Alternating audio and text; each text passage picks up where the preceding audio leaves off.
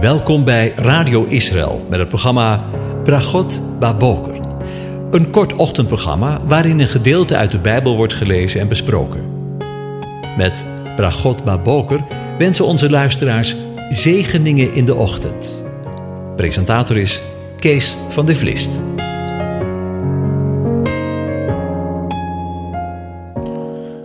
Goedemorgen, Bokatov, beste luisteraars.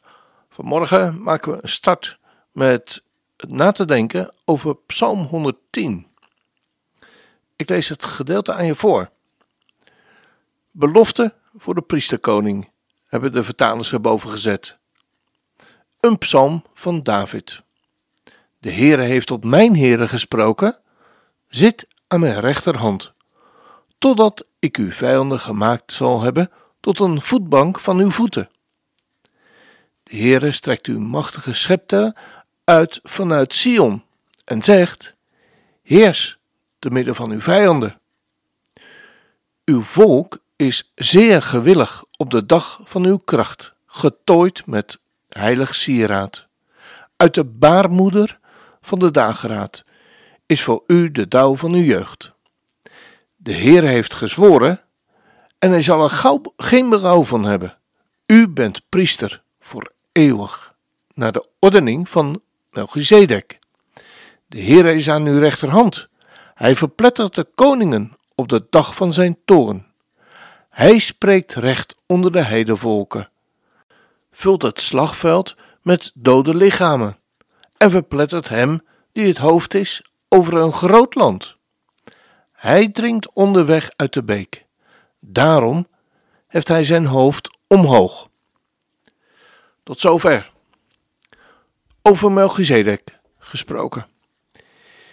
In onze serie over de Messiaanse psalmen zijn we toegekomen aan Psalm 110. De psalm wordt als Messiaans omschreven omdat de dichter van de psalm onder andere spreekt over het eeuwig priesterschap in vers 4. Luister maar. De Heer heeft gezworen en het zal, hij zal er geen berouw van hebben. U bent priester voor eeuwig, naar de ordening van Melchizedek. Op zijn priesterschap wil ik vanmorgen vanuit Psalm 110 even met je nadenken. Het zijn ook deze overbekende woorden die door de schrijver van de Hebreeënbrief, waarschijnlijk Paulus, worden aangehaald in Hebreeën 5 vers 6, Hebreeën 6 vers 20 en hoofdstuk 7 vers 17. Laten we deze passages eens lezen. Te beginnen bij Hebreeën 5 vers 6 en ik lees voor het verband van de tekst vanaf vers 1. Want elke hoge priester die uit de mensen wordt genomen, is ten dienste van mensen aangesteld, met het oog op de dingen die bij God te doen zijn, om gaven en offers te brengen vanwege de zonde. Hij kan voluit medelijden hebben met de onwetenden en dwalenden, omdat hij ook zelf met zwakheid omvangen is. En daarom moet hij, evenals voor het volk, ook voor zichzelf offeren vanwege de zonde. En niemand neemt die eer voor zichzelf, maar men wordt er door God toe geroepen, zoals Aaron.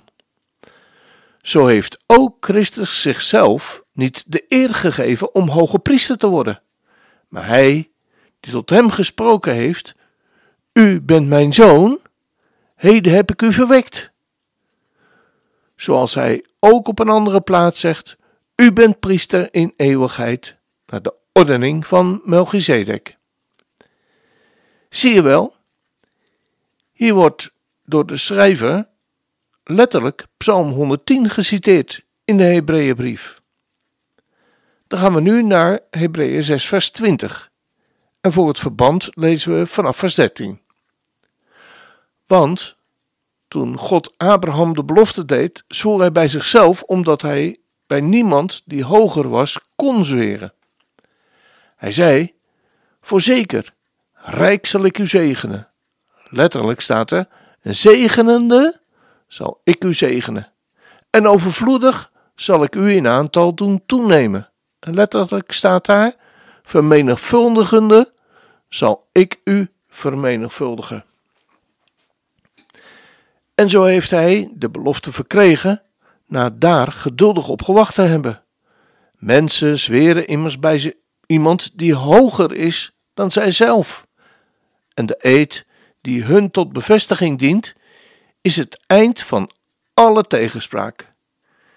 Omdat hij aan de erfgenamen van de belofte overvloedig, overvloediger de onveranderlijkheid van zijn raadsbesluit wilde bewijzen, heeft God die bekrachtigd met een eed, opdat wij door twee onveranderlijke dingen, waarin het onmogelijk is dat God zou liegen, een sterke troost zouden ontvangen. Wij, die bij Hem de toevlucht genomen hebben, om de hoop die voor ons ligt vast te houden.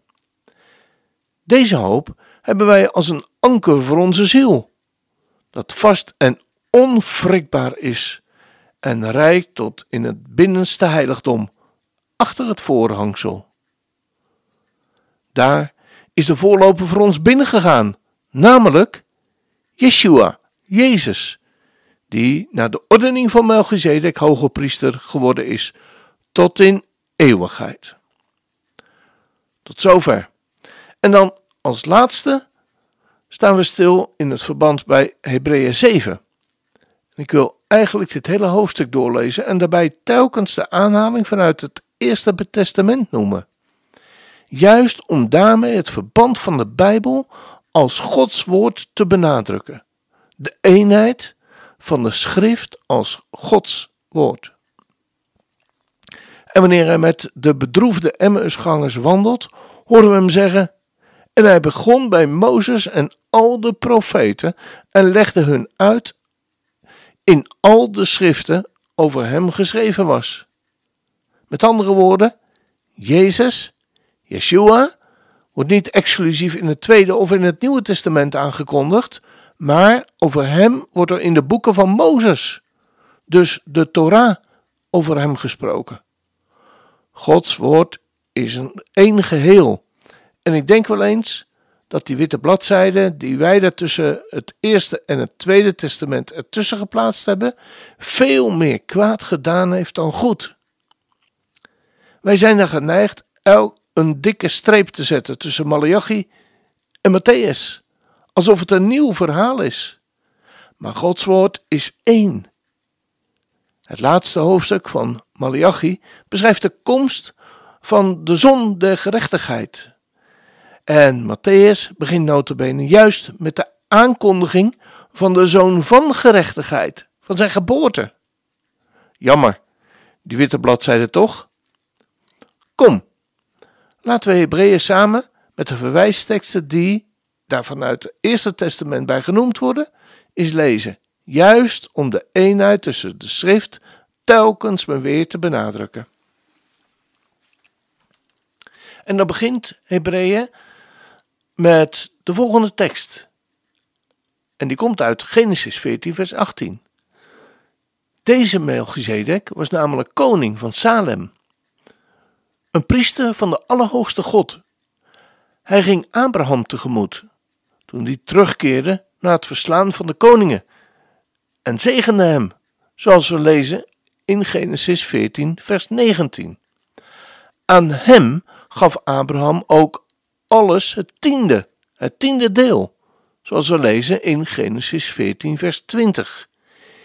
In de plaats was hij, al dus de vertaling van zijn naam, koning van de gerechtigheid en ook koning van Salem. Dat is koning van de vrede, shalom.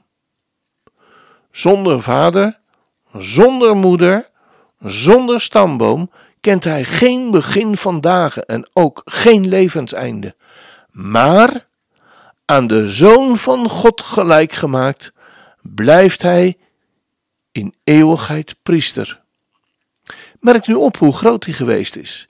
Iemand aan wie de aartsvader Abraham zelfs een tiende deel van de buit gegeven heeft. Diegene uit de zonen van Levi, die priesterschap ontvangen, volgens nummer 18 vers 21, Deuteronomium 18 vers 1, Jozua 14 vers 4, 2 Koningen 3, 31 vers 5, hebben volgens de wet de opdracht om tienden van het volk te nemen. Dat is van hun broers, hoewel die ook uit het lichaam, letterlijk, uit de lendenen van Abraham voortgekomen zijn.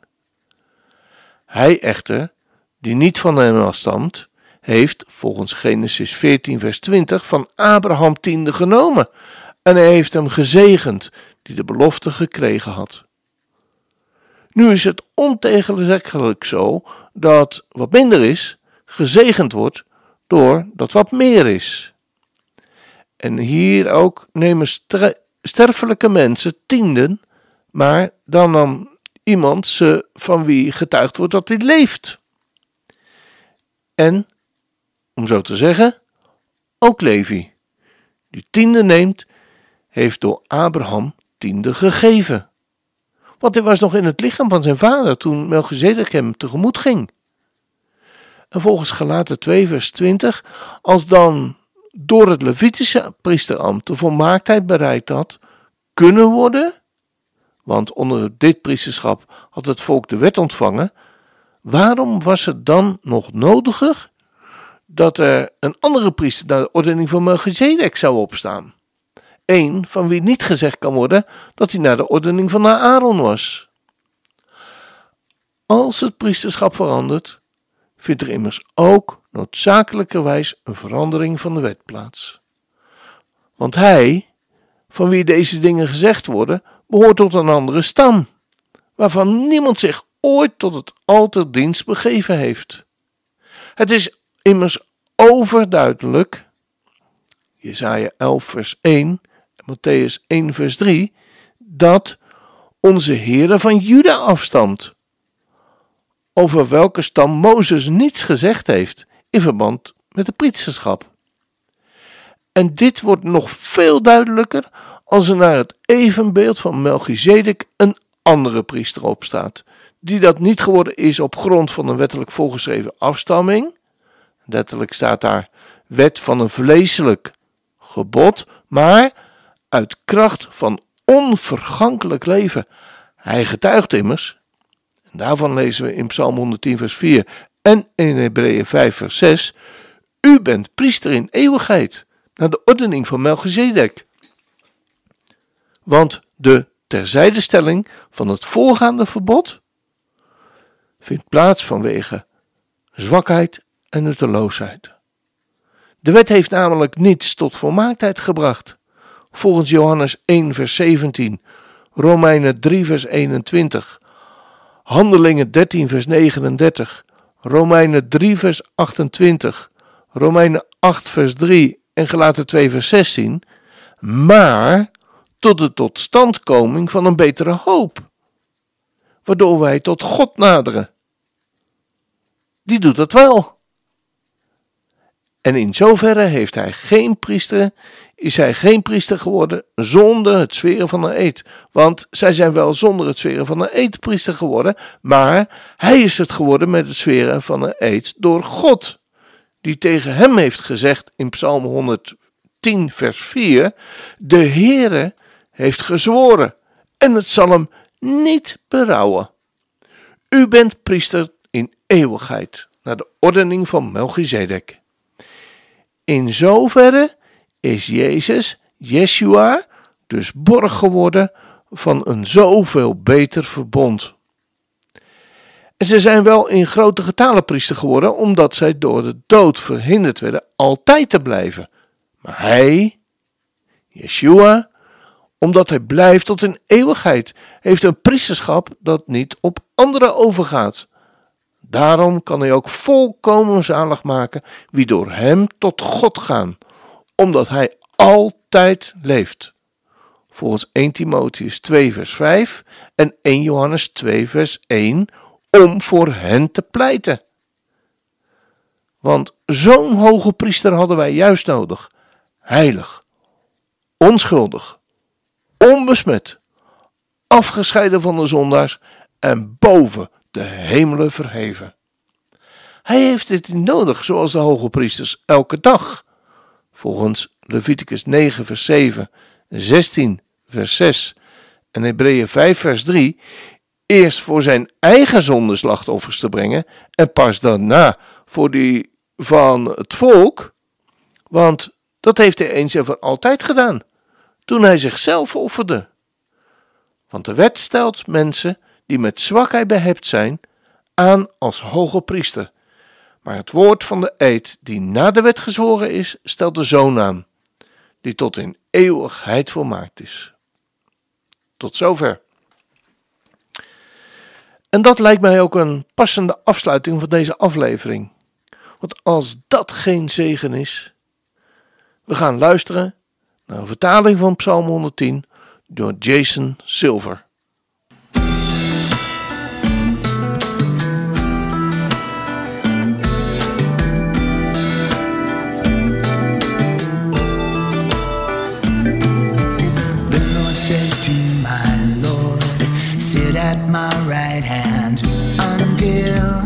I make your enemies a stool for your feet.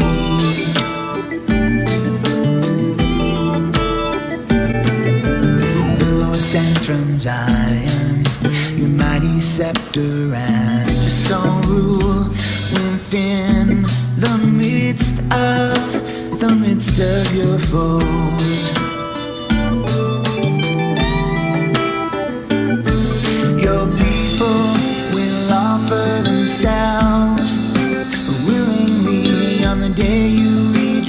horses.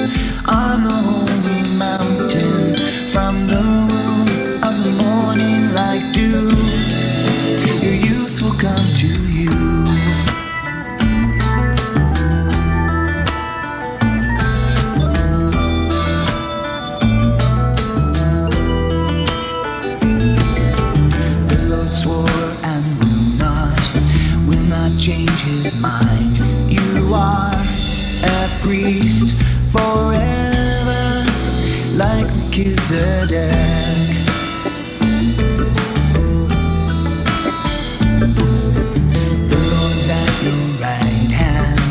Shatter kings in wrath.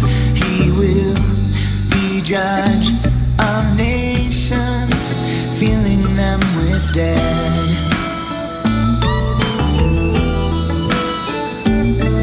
He'll shatter their heads on the earth, he will drink from the stream by the path. Therefore he will lift up, and therefore he will lift up.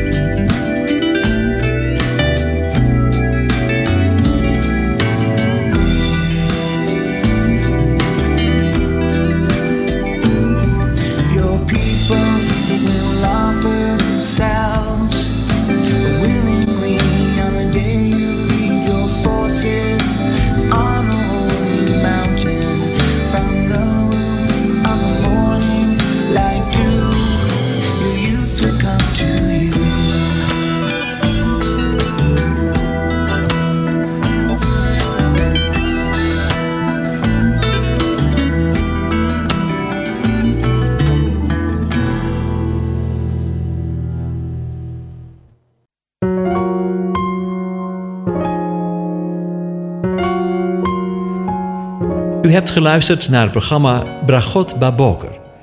Een kort ochtendprogramma waarin een gedeelte uit de Bijbel wordt gelezen en besproken.